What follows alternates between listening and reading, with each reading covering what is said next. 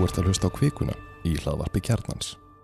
Sælir hlustendur, þetta er hlaðvarpsþátturinn kvikan unnin af reittstjótt kjarnans. Ég heiti Bára Eldbekk og mun stýra þættinum í dag. Í þætti vikunar er fjallað um brot sælabankars á jafnbrettislaugum, peningaþvætt og spillingu og þær stórfréttir sem nú heyrast frá Breitlandsegjum eða réttar sagt Megxit. Með mér að venju eru Þórður Snær Júliusson, reittstjóra kjarnans og Sunna Ós Klóadóttir Blaðamæður. Í vikunni sem leið var byrt niðurstaðar kærunefndar jafnbrettismála í máli þar sem Sæðlabankin er talin hafa sniðgengið mjög hæfa konu fyrir mun minna hæfan Karl. En bankin hefur þrýveis brotið gegn jafnbrettislögum frá árinu 2012. Þorðusnær, hvað fælst þér þessari niðurstöðu kærunefndar? Já, það fælst auðvitað bara það í henni að uh, Sæðlabankin auglýsir til umsóknar Eh, nýja upplýsingafulltrúastöðu sem síðan reyndist vera svona uh, eiginlega ja, hliðar upplýsingafulltrúastaða við uh, hlut, það hlutverk sem reitstjóri og sá sem hefur svona haldið utan um upplýsingamölu Sælabankans gegnir uh, innan hans. Fjöldi fólk sótt um 51 sótt um alls. Það vakt alveg aðtegli á sín tíma að það vera auglýsa þessu stöðu þarna í fyrra sumar. Uh, vegna þess að, eða svona síð, síðilega voss og svo ráði hana í fyrra sumar vegna þess að framundan var uh, saminning Sæðlabankans og fjármálæftilitsins og sem við meina að skila þeirri stöðu núna að nú eru þrýr upplýsingufulltrú að rinna þessara saminu stopnunar uh, og það þótti svona aðtilsvert að ljósi þess að þessa saminninga voru framundan lág alveg fyrir, yrðum áramótin að það veri farið að, að ráða enn einn upplýsingufulltrúan inn í þetta teimi en það eru 51 sótt um, tveir sem draga uh, umsóksinn tilbaka og 49 standa eftir. Uh, á meða þeirra sem sækjum er Gunnildur Arna Gunnarsdóttir sem uh, er bæði með gríðarlega reynslu úr fjölmjölageranum var held ég bara, held ég munir rétt fyrsti hvern reittstjóri Íslandsögunar þegar hún reittstýrði 24 stundum. Eða var hún reittstjóri 24, 24 stunda hérna rétt fyrir hrunn Uh, gegn ábyrgastöðum á flestum stæstu fjölmjölum á Íslandi.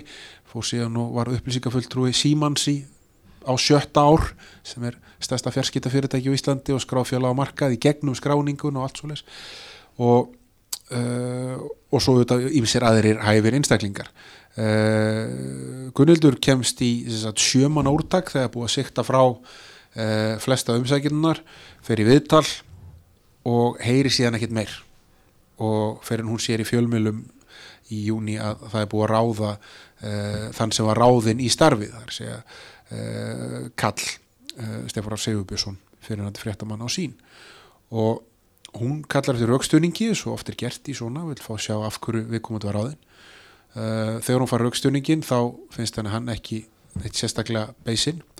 Og kallar eftir öllum gögnum um þá sem sagt, komist lengra í fællun en hún, það var svona eftir sjöman úrtaki voru þryggjaman úrtak.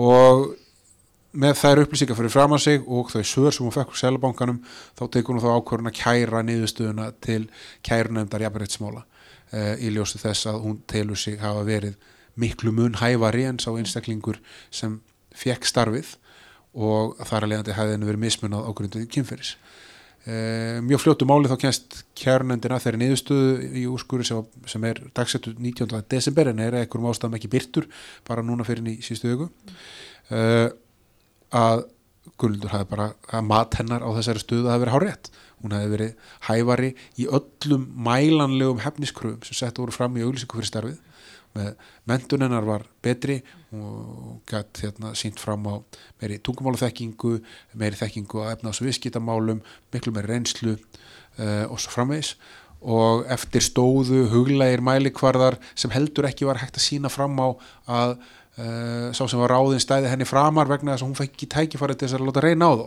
Hún fekk vegna þess að hún komst ekki að langt í ferlinu. Og þetta er auðvitað með einstöðum þegar maður lesi þetta að, hérna, að svona sé málum háttað. Eh, það er ómögulegt að gefa sér hvað ástæði fyrir því að Sælabankin ákveður að gera þetta. Það er að segja að útiloka eitthvað sem, sem samkvæmt öllum auglýstum tæfniskvörðum er augljóslega uh, hæfasti einstaklingurinn eða með hæfustu einstaklingurinn í þessu ferli og líkast til hæfasti einstaklingurinn frá því að komast í loka úrtækið frá því að fá að svona láta reyna á uh, þessa svona huglægu mælikvarða þess að var úrlösn einhvers verkefnis sem mér skilst að það fælist í því að búið til Facebook stöðu uppfæslu úr grein. Uh, og uh, þú veist sannfæra stjórnendur Sælabankars um það að þú sért þeirra einstaklingur sá sem á að fá starfið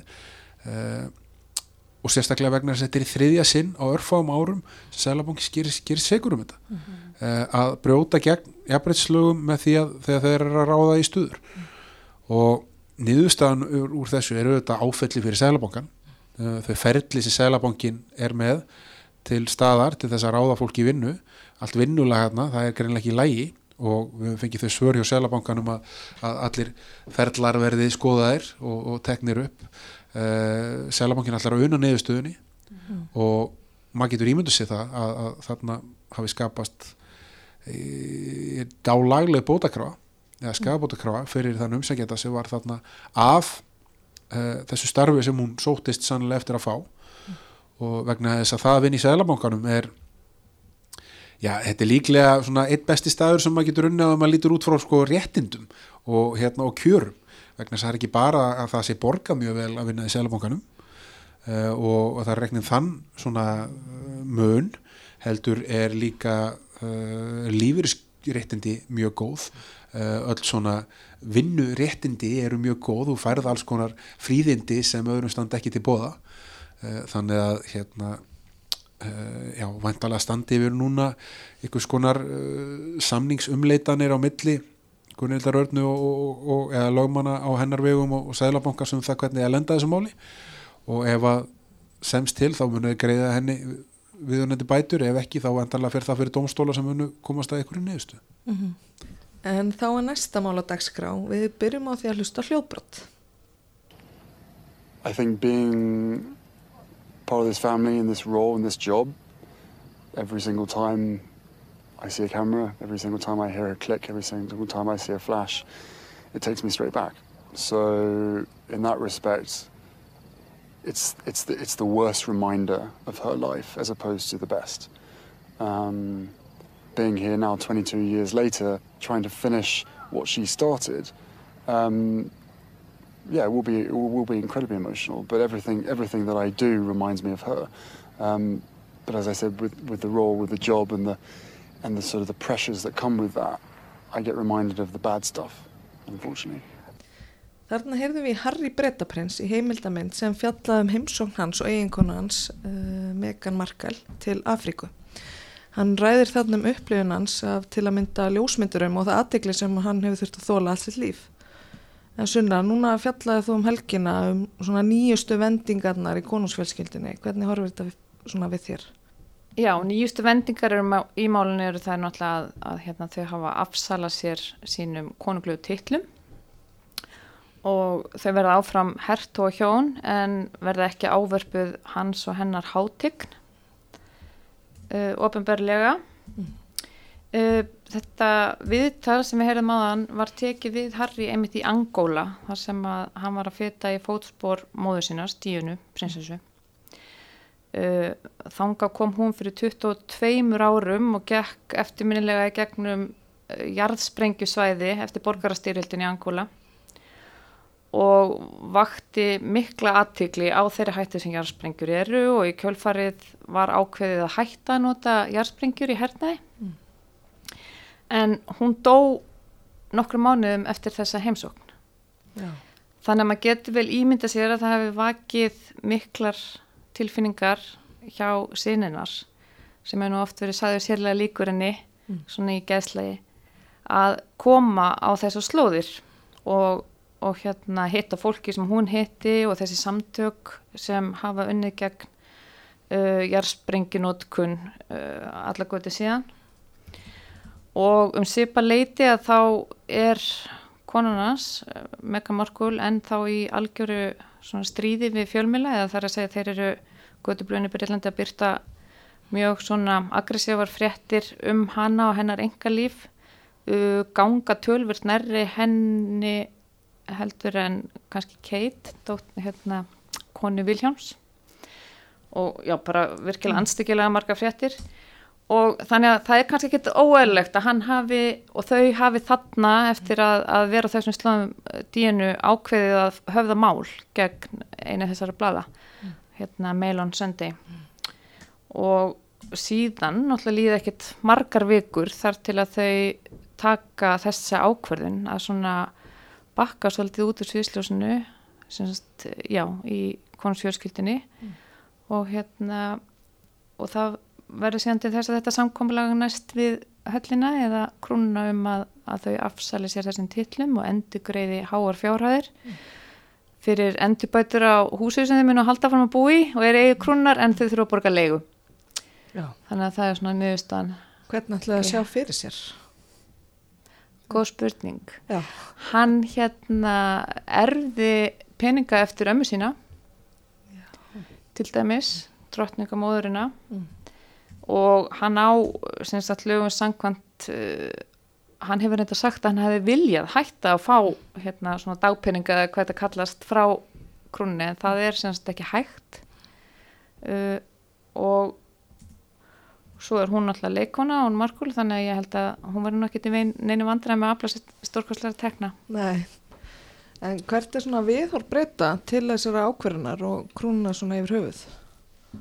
Sko bara daginn eftir að þau tilkynntu þetta í byrjun janúar að þá var gerð könnun og samkvæmt henni að þá meiri hluti byrja að vildi með þetta að þau myndi afsala sér til honum og það má kannski lesa þetta því að þau hafi bara móðgast að þau vildi ekki vera þeirra en þá mm. og, en það hafa fleiri kannanir verið gerðar og svona kannski af, af hérna reyndari rannsóknarfyrirtækjum já, samkvæmt eh, könnun hérna Júgov rannsóknarfyrirtækisins að þá stiður meira hluti breyta ákverðun þeirra en að samanskap er einmitt líka meira hluti vill að þau farið þá út með þeim hætti að þau sé ekki lengur ávörpuð hans og hennar hátegn og þau mm. vilja, flestir vilja náttúrulega ekki að þau séu framfæri breska ríkisins mm. Þú fylgst með þessu, Þóru Snar?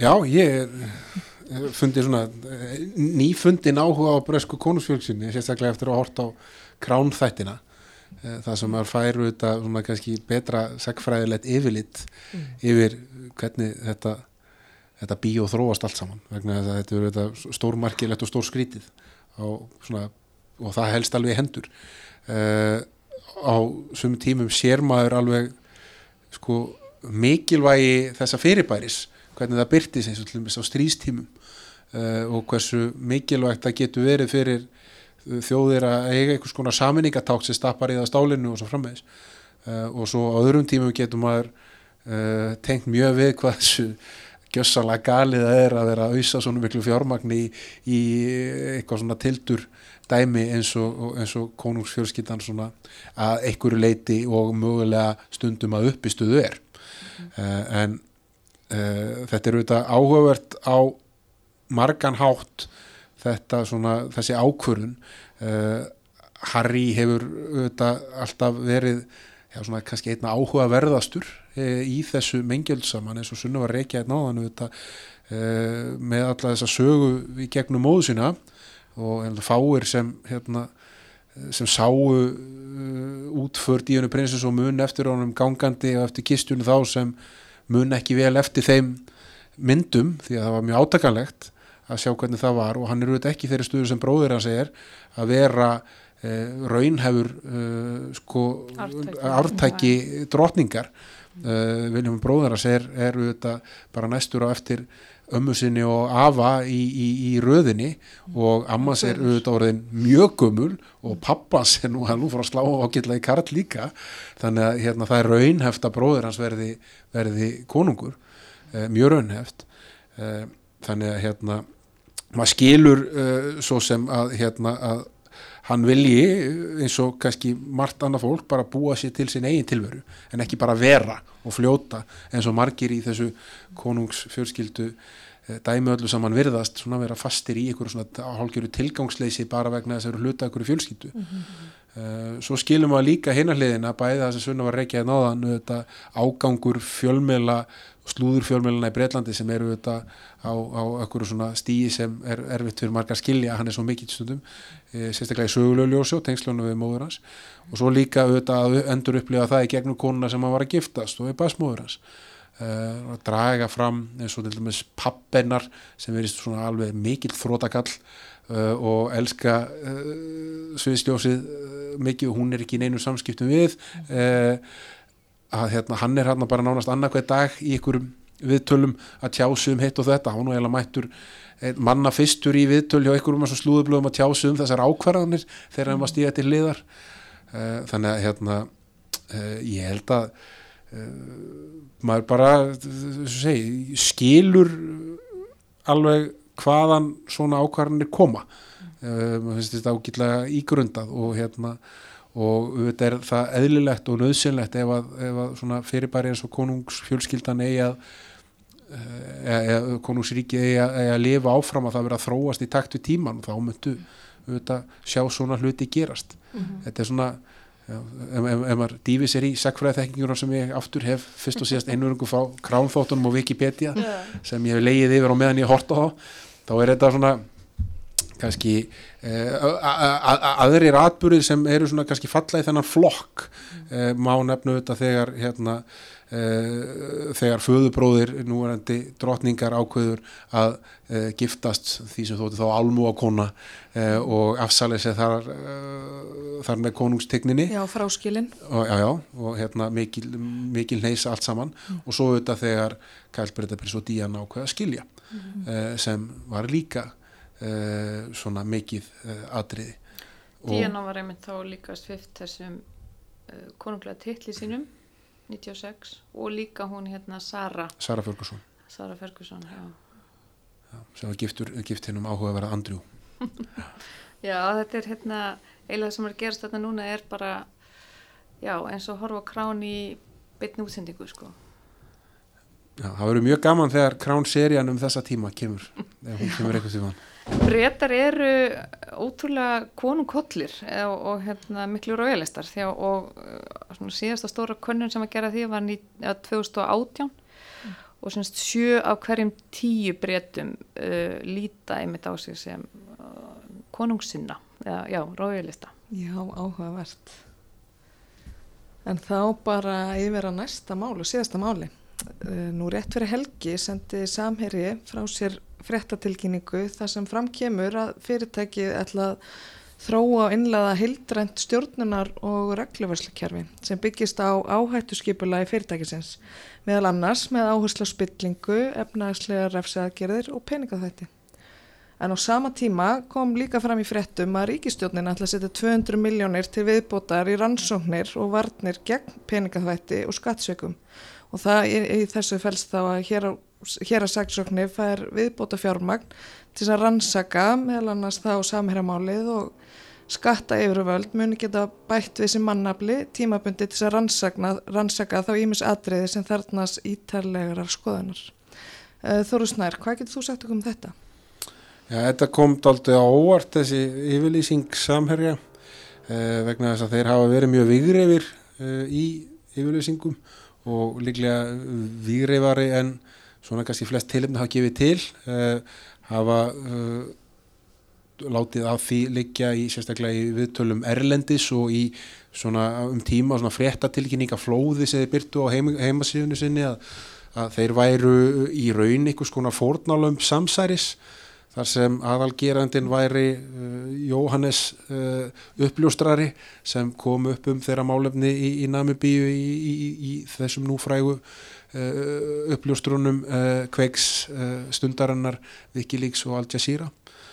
Og svo nafngrindi fréttamenn sem unnu þessar uppljóstranir og hérna og ýmsir aðrir svona bara tilfallandi og uh, var á, síðast bara látið að því liggja í viðtal við Nost Sjárútsblað uh, sem við minni bara hafi verið í desember eða hvort það var snemma í janúar uh, þar sem Björgul Jóhansson tímabundin fórstjóri samherja uh, svona leti það skína að þetta er nú allt saman klapp á að klárt og leist bara með réttum útskýringum núna í fyrsta mánuð ásins 2020 uh, og þeir eru þetta búin að vera með þessa norsku löffræðistofu Víkbók Ræn að, hérna, að rannsaka þákja greiðslu sem margir hafa eðlilega tortirt að sé mjög trúverðut og Uh, svo virðist bara einhvern veginn eins og sé komin ákveðin kúvending núna. Við búið græni búin að greina frá því að þeir mun ekki skila neitt niðurstöðu fyrir nýja apríl. Mm. Uh, þannig að hérna, já, þessi niðurstaða sem á síðan að afhenda rannsóknar aðeilum sem þeir geta haft í hliðsjónar í sínu rannsóknum sem er bara hljómar einhvern veginn eins og eitthvað úr einhverju svona hérna, skrítinni skálstöðu uh, hún mun ekki liggja fyrir fyrir en eftir nokkra mánuði og svo ægilega alveg upp á þurru þá er samherji að segja að þeir ætla að innleiða eitthvað svona kerfi sem á að hindra spillingu peningaþvætti og efnaðslega refsegagerir og ástæðan fyrir þessu sé reynsla starfsemi fyrirtækis í Namibíu mm. og það er erfitt að komast annar niðurstöðu en því að samherji sé falla að segja þarna að það þurfi að setja eitthvað svona kerfi sem hindri spillingu peningaþvætti og uh, einhver hegðun sem leiði til efnaðslega refsegagerða mm Eh, þau þurfi að einlega eitthvað svona kerfi til þess að koma vekk fyrir það í sinni starfsemi. Og ergóðum að þýði það aðeins lengra og færi það að vera mannamál það er bara eins og þeir séu þá að segja að þetta í sér stað þarna innan, innan starfsemi fyrirtækisins. Mm -hmm. að minnstu ekki að hafi átt sér stað, hafi átt sér stað. og þeir allir núna að grýpa til hérna, að gera það til þess að koma í vekk fyrir þetta. Eitt af því sem þeir hafa auðvitað sko mjög hart neitað. Það er, segja, það er erfitt fyrir þá þeir hafa kannski gengist við því að þarna átt mútugriðslur átt sér stað. Mm. uh, og hérna og svona, svo, svo eftir að koma í ljós hver heildræna vörninn hjá þeim verður um það. Jóhannes Stefánsen hefur sagt að það hefur verið gert með vitund og vilja aðeistu stjórnenda samherja. Þeir svona hafa látið að því leggja að minnstakosti að hann hafi verið bara að, að leika einleiki mm. e, þar að múta hinum á þessum en það likur fyrir að mútugurðislir voru greittar þarna og það eru bara það er pappistóðu eftir, það er búið ákjara fjölda manns í Namibíu háttsetta ráðamenn sem sitja þar bara í gæsluvaraldi mm. og, hérna, og býða þess að fara fyrir domstóla uh, en þeir hafa hins vegar neitaði mjög staðfastlega að uh, það hefur verið peningaþvætti eða skattasniðganga í starfsemiðra mm. og ef það var aldrei peningarþvætti í starfseminni uh, af hverju þartu þá að einleiða regluverk til þess að koma í veg fyrir peningafættið En er ekki eðlilegt að stórfyrirtæki og bara öll fyrirtæki vinni eftir slíkun reglum?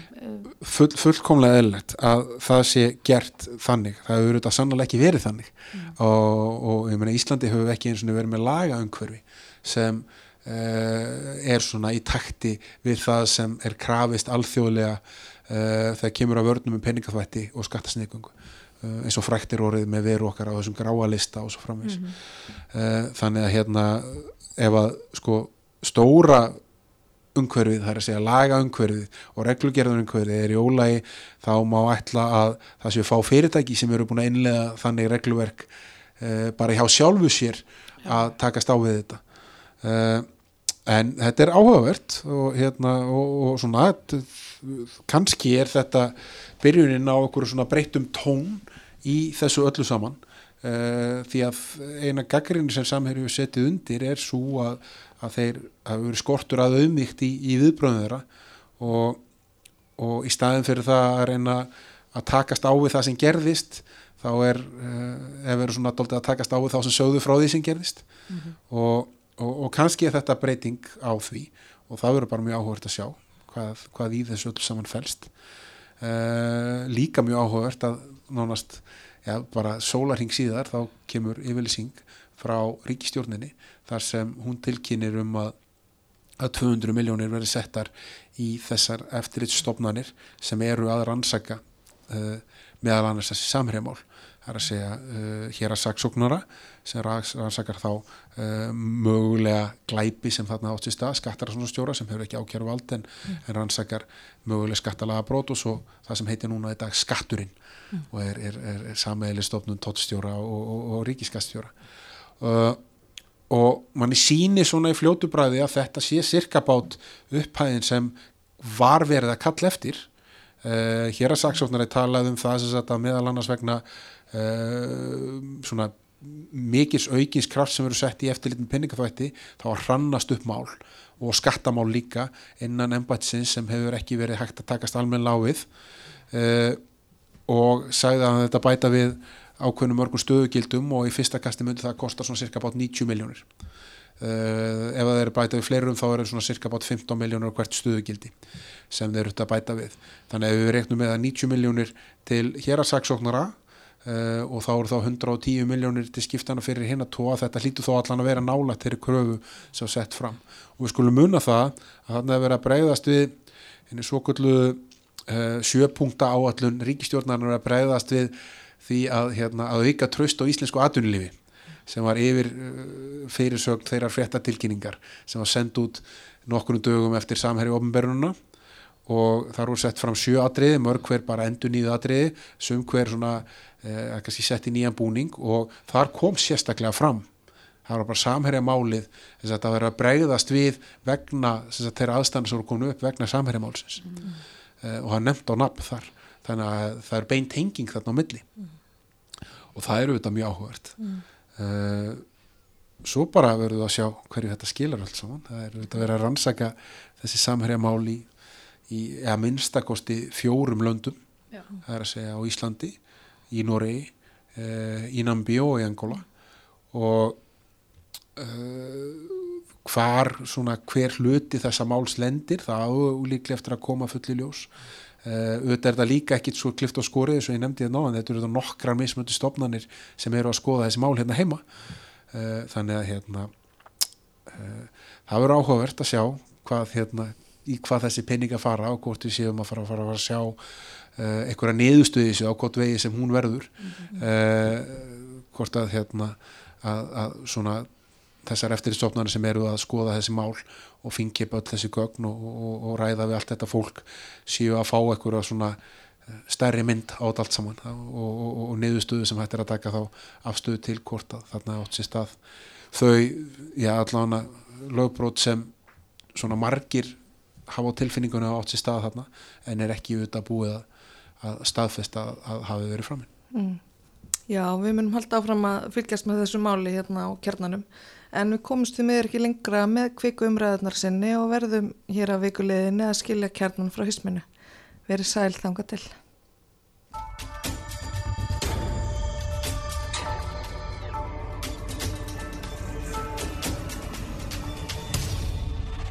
Þú ert að hlusta á kvikuna í hlaðvarpi kjarnans.